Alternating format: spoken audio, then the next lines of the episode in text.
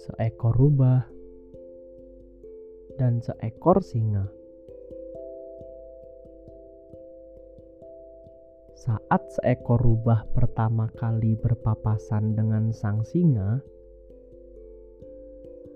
ia sangat ketakutan sekali. Hingga ia lari dan bersembunyi di balik pepohonan. Namun, di saat ia berpapasan lagi untuk kedua kalinya, ia mendekat sedikit, menatapi sang raja hutan dari kejauhan.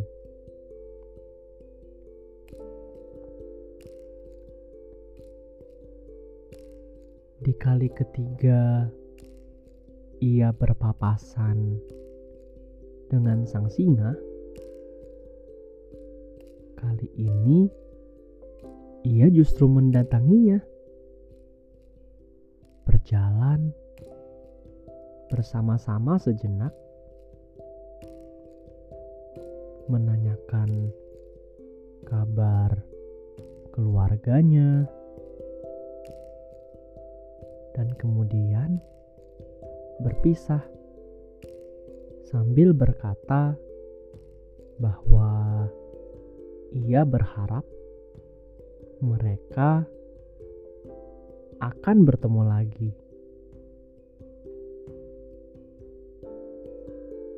Semua itu tanpa rasa takut yang dulu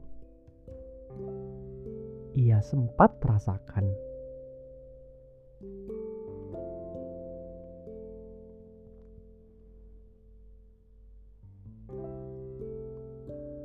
Itu dongeng untuk malam ini.